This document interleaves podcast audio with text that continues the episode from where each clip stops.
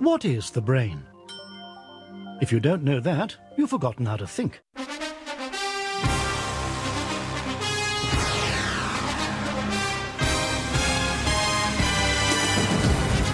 Please ensure you have your copybook at hand, as you'll be asked to take down notes from the screen at various points throughout the program.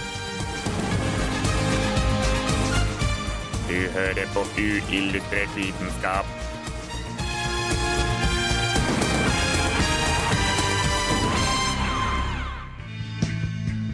Kritikken har haglet mot FNs klimapanel, IPCC, de siste ukene etter det ble oppdaget feil i deres rapport fra 2007. Ved å lese i nettavisene kan vi få inntrykk av at klimaspørsmålet er vid åpent, og at ingenting er sikkert. Siv Jensen gikk om dagen så langt som å påstå at hele bevisgrunnlaget for IPCC-rapporten var falskt.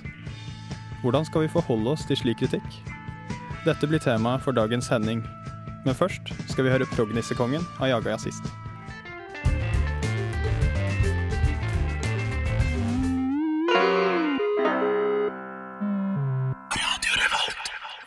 Du lytter til uillustrert vitenskap her på Radio Revolt, FM 100 eller 100,6,2 eller 107,6. Eventuelt på stream, radiorevolt.no. Um, Alle valgmulighetene. Jeg tror, det var gjennom, jeg tror det var gjennom det meste der, altså. ja, jeg var vel det. Um, hva skal vi ta for oss i denne dagens sending? Uh, det blir litt sånn her eh, klima-IPCC-prat. Ja, for det har jo vært eh, veldig aktuelt nå for tiden. Ja, den klimarapporten til IP IPCC har jo blitt eh, ja, slakta og slakta. Den har fått mye kritikk de siste par ukene i hvert fall. Ja. Og det skal vi gå gjennom. I den anledning så har vi jo eh, fått en eh, gjest som vi da skal introdusere snart. Eh, men eh, hva ellers er det vi har å by på denne sendingen? Vi har vel Eh, et ganske variert program. jeg har, eh, og litt i samarbeid med medarbeider Tur Haugland, har jo greid å dra sendinga bitte litt i retning sex. Ja. Eh, ikke mye, da, men det var bare litt. Ikke like mye som sist. Men eh, det er litt sex. I tillegg så vil vi nevne at NTNU prøver å opprette en Eller tenker på å opprette en tankesmie. Eh, som de ikke har planlagt veldig mye rundt riktig ennå, men eh, forhåpentligvis så vil det skje noe. Ja. Nei, men dette blir spennende. Vi gleder oss til denne sendingen. Um, men nå skal vi høre The Reaper av Blood on Wheels.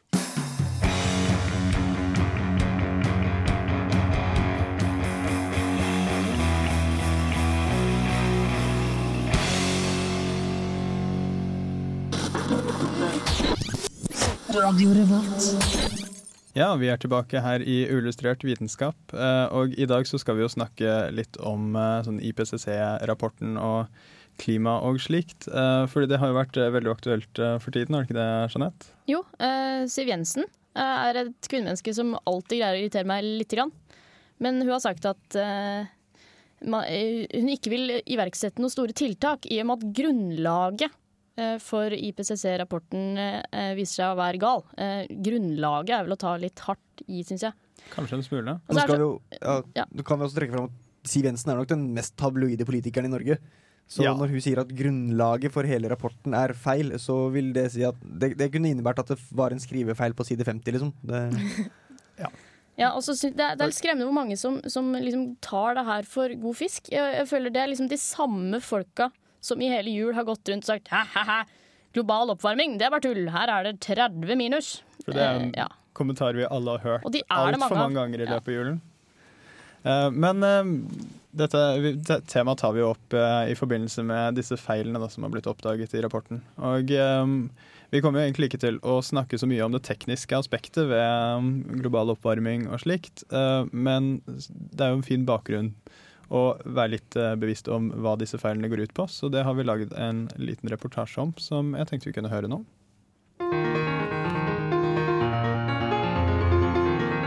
FNs klimapanel, IPCC, har møtt sterk kritikk de siste ukene for å ha tatt med påstander uten vitenskapelig belegg i deres rapport fra 2007. I første omgang dreide det seg om to avsnitt som påsto at isbreer i Himalaya vil forsvinne innen 2035 dersom den globale oppvarmingen fortsetter som nå. Flere klimaforskere mente dette var i strid med gjeldende forskning. Det populærvitenskapelige tidsskriftet New Scientist avslørte at spådommen ikke var basert på fagfellevurdert forskning, men heller et intervju bladet hadde gjort med en indisk brevforsker i 1999. Anslaget ble deretter tatt med i en rapport fra Verdens villmarksfond, og endte til slutt opp i klimapanelets fjerde vurderingsrapport om klimaendringer. 20.1 ble anslaget trukket tilbake av IPCC, da det var tydelig at utsagnet brøt med klimapanelets retningslinjer, nemlig å kun ta med fagfellevurdert litteratur. Mindre enn én uke etter kom nye avsløringer om feil i vurderingsrapporten. Denne gangen gjaldt det sammenhengen mellom økte kostnader ved naturkatastrofer og klimaendringer. Studien som ble brukt som dokumentasjon for en slik sammenheng, var verken publisert eller fagfullvurdert da Klimapanelets vurderingsrapport ble publisert. Ikke nok med det, men da studien ble publisert i 2008, konkluderte den med at en slik sammenheng ikke kunne påvises. Til tross for disse feilene, som understreker viktigheten med gode kontrollsystemer, påvirker de ikke vurderingsrapportens konklusjoner. Men de vil neppe være med på å overbevise de som er fast bestemt på at global oppvarming er en stor konspirasjon.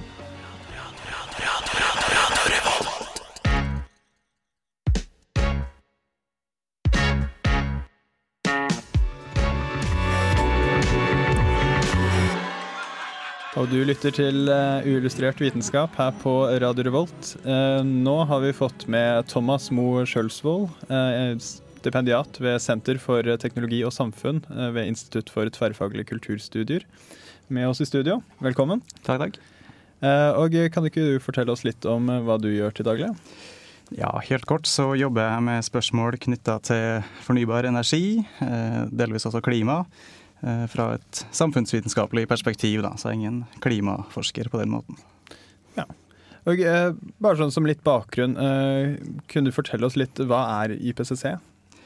Ja, altså det er jo et panel som er nedsatt av FN, som eh, med rimelig jevne mellomrom har eh, utgitt rapporter hvor de eh, på en måte oppsummerer da, dagens kunnskap, status på klimaforskninga, rett og slett.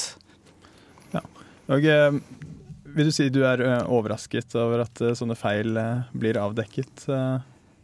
Nei, du kan si det er jo ikke overraskende at feil blir avdekka. Det er klart Man skulle kanskje ønske at de ikke var der. Mm. Så hvordan reagerer sånn folk flest når de leser om disse feilene? Nei, du kan si reaksjonene Det vet jeg ikke så veldig mye om. Men, men jeg vet jo på en måte litt om hvordan Eh, det blir presentert utad. Eh, det blir jo presentert som en vitenskapelig skandale, ikke sant. Og mange ville kanskje reagere med å tenke at, eh, som det ble nevnt her i sted, Siv Jensen, at nå er global oppvarming avlyst, så vi kan bare se bort ifra de faktaene som er presentert her, da.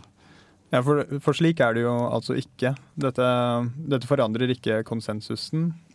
Det er det veldig lite som tyder på, i hvert fall. da. Um, jeg tror kanskje at en del av de reaksjonene har å gjøre med eh, to ting. Da. Det ene vil jo være eh, altså hvordan vi eh, oppfatter at vitenskap produseres. Eh, man oppfatter jo kanskje at eh, vitenskap er en litt sånn mystisk eh, ting, ikke sant? hvor det sitter folk og på en måte nærmest produserer sannheter, da, mens, mens i virkeligheten er veldig, veldig lange og ganske kompliserte prosesser som ligger bak.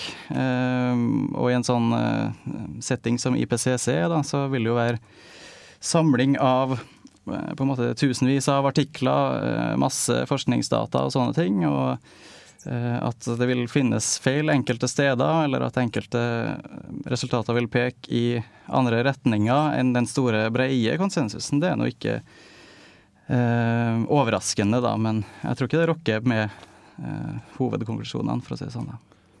Nei. Uh, og uh, ja.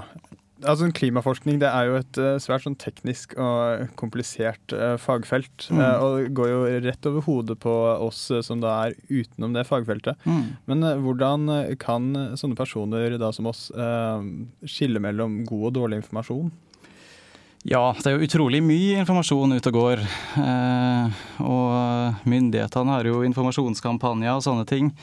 Eh, det man kanskje skal tenke litt på, er jo at mye av den informasjonen vi får, presenteres eh, i mediene.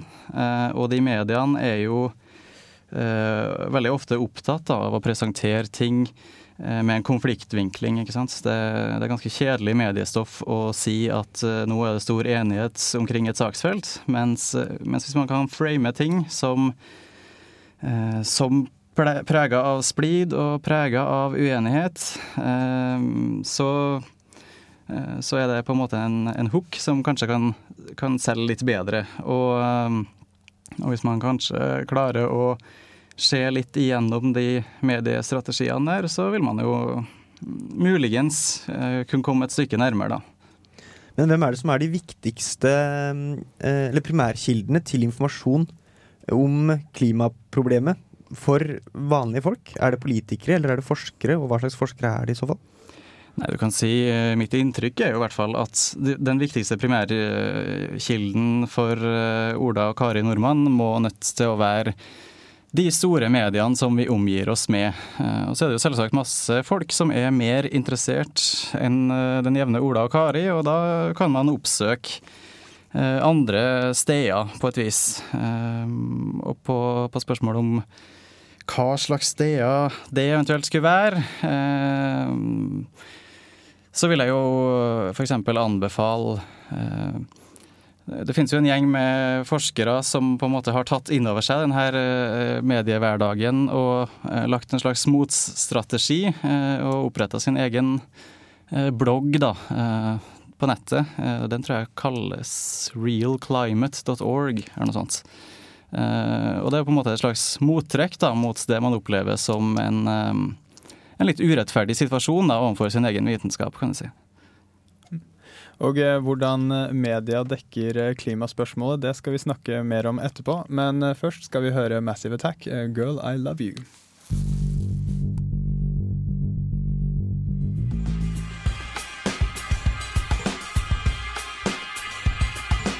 Radio.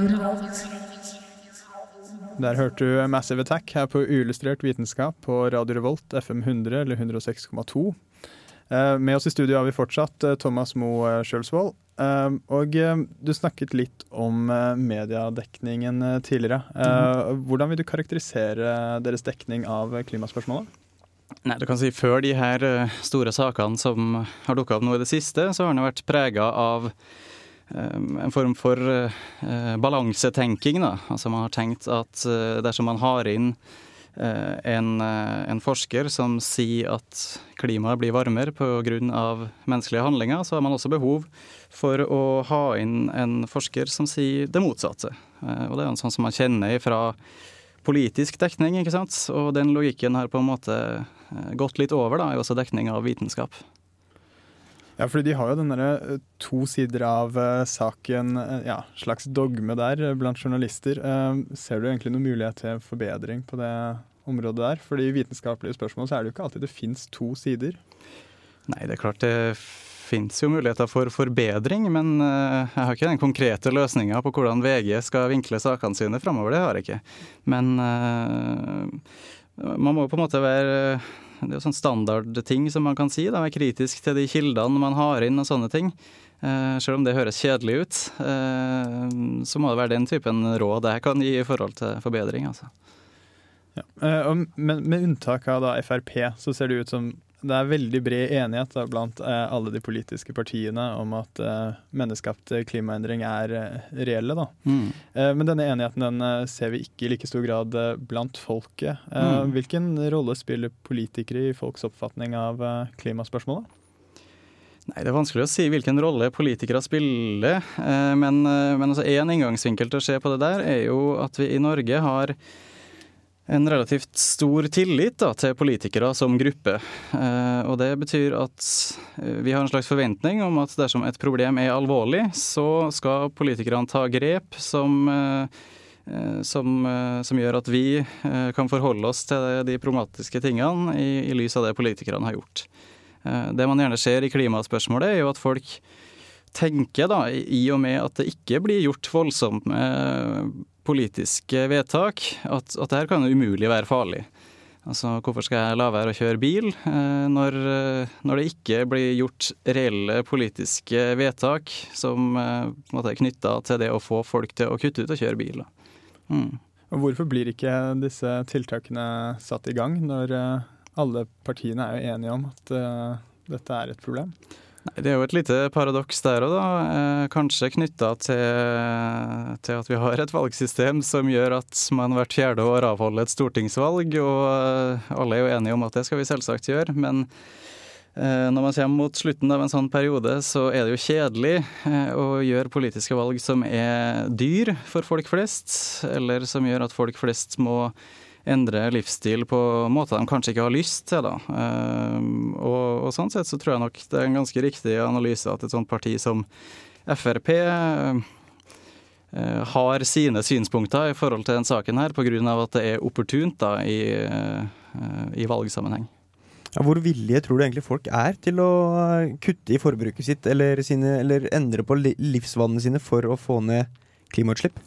Det er litt vanskelig å si. Eh, endringsvilje finnes nok. Eh, nå vet jeg at det nettopp er gjort en ganske stor studie som handler om hvor mye mer folk er villige til å betale for eh, fornybar energi, f.eks.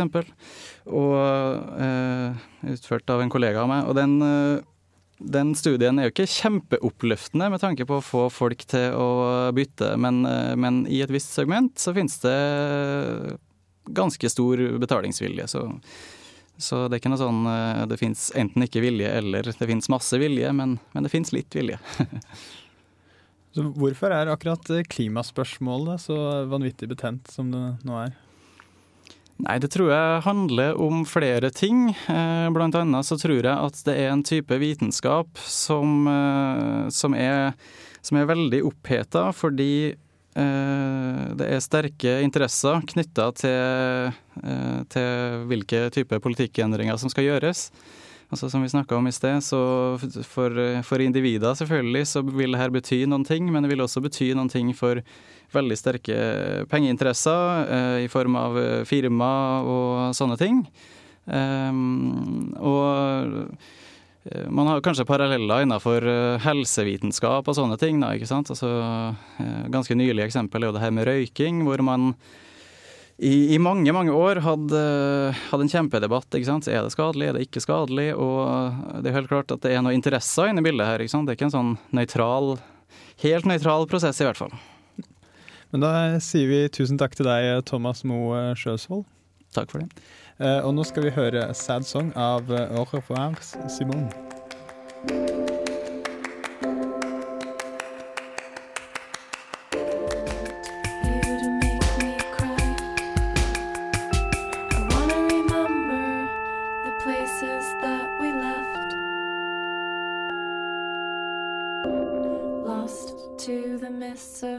Du hører på Radio Revolt, studentradioen i Trondheim. Uillustrert vitenskap presenterer Forskningsnytt.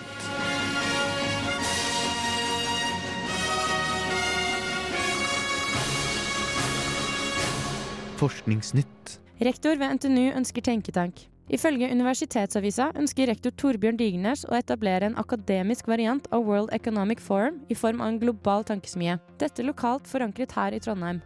Ambisjonen er å takle de aller største globale utfordringene verden står ovenfor, intet mindre. Sadomasochisme ikke lenger en sykdom. Forskning.no sier at Helsediktoratet har bestemt at en rekke diagnoser ikke lenger er gyldige i Norge. Også diagnosene festisjistisk transvestitisme og multiple forstyrrelser i seksuelle objektvalg fjernes som diagnoser. Landsforeningen for lesbiske, homofile, bifile og transpersoner, LLH, jubler. Obama bevilger flere penger til NASA, men kansellerer planlagt månelanding. Det hvite huset kunngjorde mandag denne uken det planlagte budsjettet for NASA i 2011. Budsjettet har siden i fjor økt med 6% som Obama også har lovet. Samtidig avlyste de månelandingen som skulle skje innen 2020, planlagt av Bush-regjeringen. Dette grunnet for lite utvikling de siste årene og for store kostnader. Der hørte vi uh, ukens uh, Forskningsnytt, en uh, spalte vi kommer til å ha her hver uke i Uillustrert vitenskap, og kanskje litt på brunsj og andre radioprogrammer. Den ble lagd av Turi Haugland, som i dag er vår tekniker og derfor er mikrofonløs.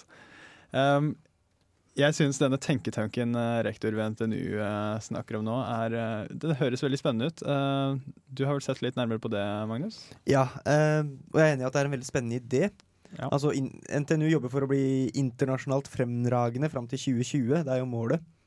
Og det virker som tenketanken er et ledd i å oppnå målet med å bli internasjonalt fremragende om ti år. Eh, problemet er jo at det er jo ikke sånn at de har jobba veldig mye rundt hva tenketanken skal gå ut på så langt. De sier at den skal løse globale problemer. Men det er jo stort sett så langt de har kommet, og det virker som de planlegger å ha, ha en, gjøre en tverrfaglig, da.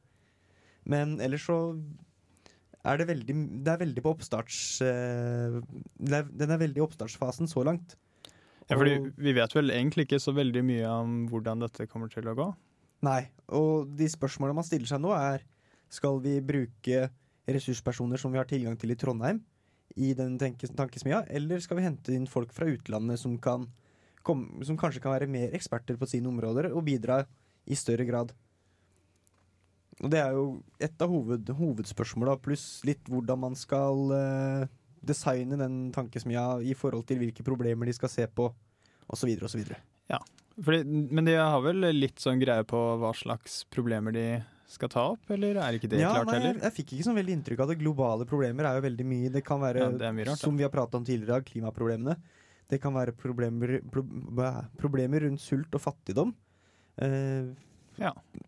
Og Ganske åpent, altså. Iland-Uland-konflikt. Det kan være internasjonalt samarbeid. Det kan være så utrolig mye. Så foreløpig er det veldig på begynnerstadiet. Men det virker jo som om NTNU er veldig gira på å få til den tankesmia. da. Så det kan hende at de legger ganske mye ressurser i det for å få starta opp tankesmia så fort som mulig. Så det kan jo hende at progresjonen vil være stor i de neste par månedene. Ja, nei, men dette her eh, høres jo veldig spennende ut. Eh, vi i Illustrert kommer i hvert fall til å eh, følge nøye med på saken og rapportere om det skjer noe. Jeg ser veldig for meg at konspirasjonsgærninger rundt omkring i landet vil dukke frem når en akademisk elite samles her i Trondheim. Så det kommer vi da antagelig også til å rapportere om. Det er ingenting som er bedre for konspirasjonsteoretikere enn samlede akademiske eliter. Men apropos konspirasjoner, så ser det jo dårlig ut nå for måneferder med Obamas nye NASA-budsjett. Eh, stemmer ikke det, Jeanette? Jo, eh, Obama har gitt masse penger til eh, NASA, men han eh, driter litt i eh, måne... Måneprosjekt, månelandingsprosjektet som Bush starta, var det ikke det? Ja, det er dette Constellation-prosjektet. Det har jo egentlig vært litt sånn eh, fiasko. Eh, Det har jo eh, vært eh, forsinket, og eh, det har eh, gått på underskudd. Og eh, så er det også basert på eksisterende teknologi, og det, det virker ikke helt som det er så veldig spennende. Da. Eh, Det virker som et nytt Apollo-prosjekt istedenfor et prosjekt for å komme opp på månen, for så å bli der. Men eh, den lyse siden av dette budsjettet er jo at eh, Obama har, har jo gitt da hele 6 milliarder dollar mer i støtte til NASA, hvorav svært mye av det går til vitenskap, bl.a. geovitenskap, som da er aktuelt eh, i disse klimatider. Eh, og så hørte vi jo da at eh, sadomasochisme og fetisjisme og sånn eh, har blitt eh, fjernet fra sykdomslisten. Yes! Ja, det var jo på tide, det. Kanskje litt på Ja, det har jeg venta utrolig lenge på. Eh, fordi det, det er eh, det er en amerikansk liste over psykiatriske diagnoser. Eh, står det at eh, for at det skal være en sykdom, så må oppførselen til denne sadomasochisten så må det medføre kliniske problemer eller svekkelse av sosiale, yrkesmessige eller andre viktige evner til å fungere. Og så lenge du holder deg unna alt det der, så er, det, er du helt frisk. Bare slå i vei. Var det å piske litt på soverommet sånn så lenge det ikke går utover arbeidslivet? Ja, det er lov. Ja. Men nå tror jeg vi skal høre 'Cynicism' av eh, Nana Grisol.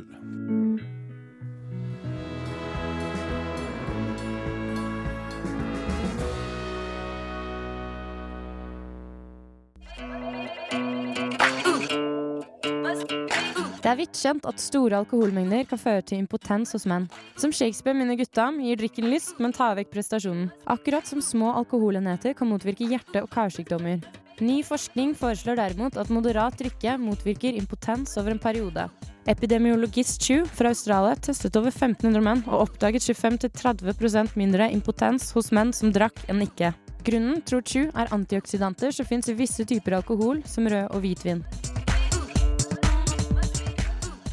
Der hørte vi eh, Turis innslag til Labdidab-spalten. Spalten om litt eh, finurlig og morsom eh, forskning. Hvem skulle trodd at alkohol ja, ga mindre impotens? Der er jo strålende nyheter for oss menn. Det er veldig strålende Vi kan, vi kan fortsette å drikke i moderate mengder Ja. uten å bekymre oss for potensen. Ja. Faktisk- Tvert imot så kan vi hjelpe potensen. Ja, ikke sant? Det er en positiv virkning. Ja, ikke drikk for mye først, da. Skal jeg, skal jeg hjem og drikke Og det er kanskje uh, godt å påpeke at uh, når man er full, så er jo ikke potensen særlig bra. Nei, det er så, klart. eh, så dette var på sikt. Ja, Mm. det, var jo, det, det, har ikke, det har ingen umiddelbar virkning, nei. Men eh, nå har jo du, Jeanette, også lagd en, ja, et innslag til en molekyl med morsom navn-spalten din. Ja, eh, det, det jeg har gjort. Det er litt relatert til potens, nesten. Eh, Egentlig ikke, men eh, du, kan jo, du kan jo dra det selv. Men eh, ja, det har jeg lagd. Ja, Vi skal ikke avsløre hvilket Det eh, kan ikke gjøre det. molekyl det er. Men nå først så skal vi høre 'Like a Bitch' av Black River.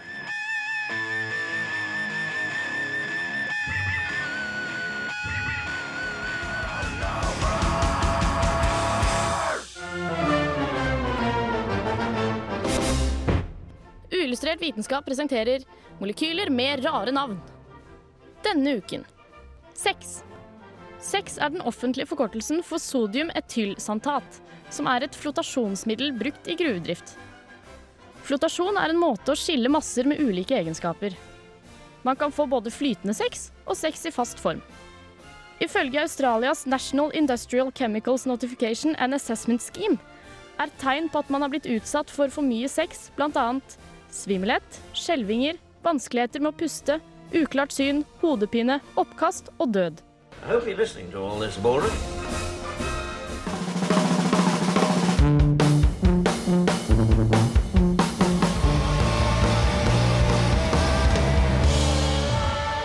Der hørte vi Hey People av Trondheimsbandet Pelbo. Det var alt vi hadde tid for i dagens sending. Eh, Mitt navn har vært Ola Ole Eivind Sigrud. Med meg har jeg hatt eh, Jeanette Bø og Magnus Johansen. Og eh, vår tekniker er eh, Turi Haugland. Eh, Vi kommer tilbake neste uke som vanlig, og hva skal vi snakke om da? Mer sex! Mer sex. Selvfølgelig. Ja. Må jo også huske på å minne våre lyttere på og om å laste ned podkasten vår, Det må vi gjøre. som er et eh, fantastisk stykke lydmateriale. Ja. Pass på å trykke på den siste stjerna i ratinga der eh, mens du holder på. Og skriv gjerne en anmeldelse. Vi kan jo bare Istedenfor at vi sier at vi skal snakke om mer sex, så kan vi jo nevne at det blir da i forbindelse med Valentine's Day, som da er på ja, Søndag. februar. Søndag blir det, ja. Ja. Så da eh, Det blir en spennende sending. Eh, Men nå skal vi da høre Oh My Dirty av Redman.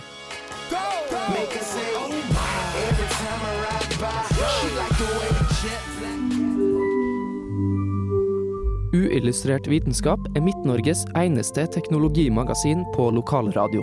Og vi snakker om alt fra populærvitenskap til sære forskningsprosjekt ved NTNU. Radio Revolt, studentradioen i Trondheim, er stolt av å kunne presentere podkaster fra de aller mest populære programmene våre. Hvis du har lyst til å høre mer fra Radio Revolt, hvem vi er og hva slags musikk vi spiller, så kan du høre oss på FM-båndet i Trondheimsregionen, eller streame sendingene våre live på radiorevolt.no.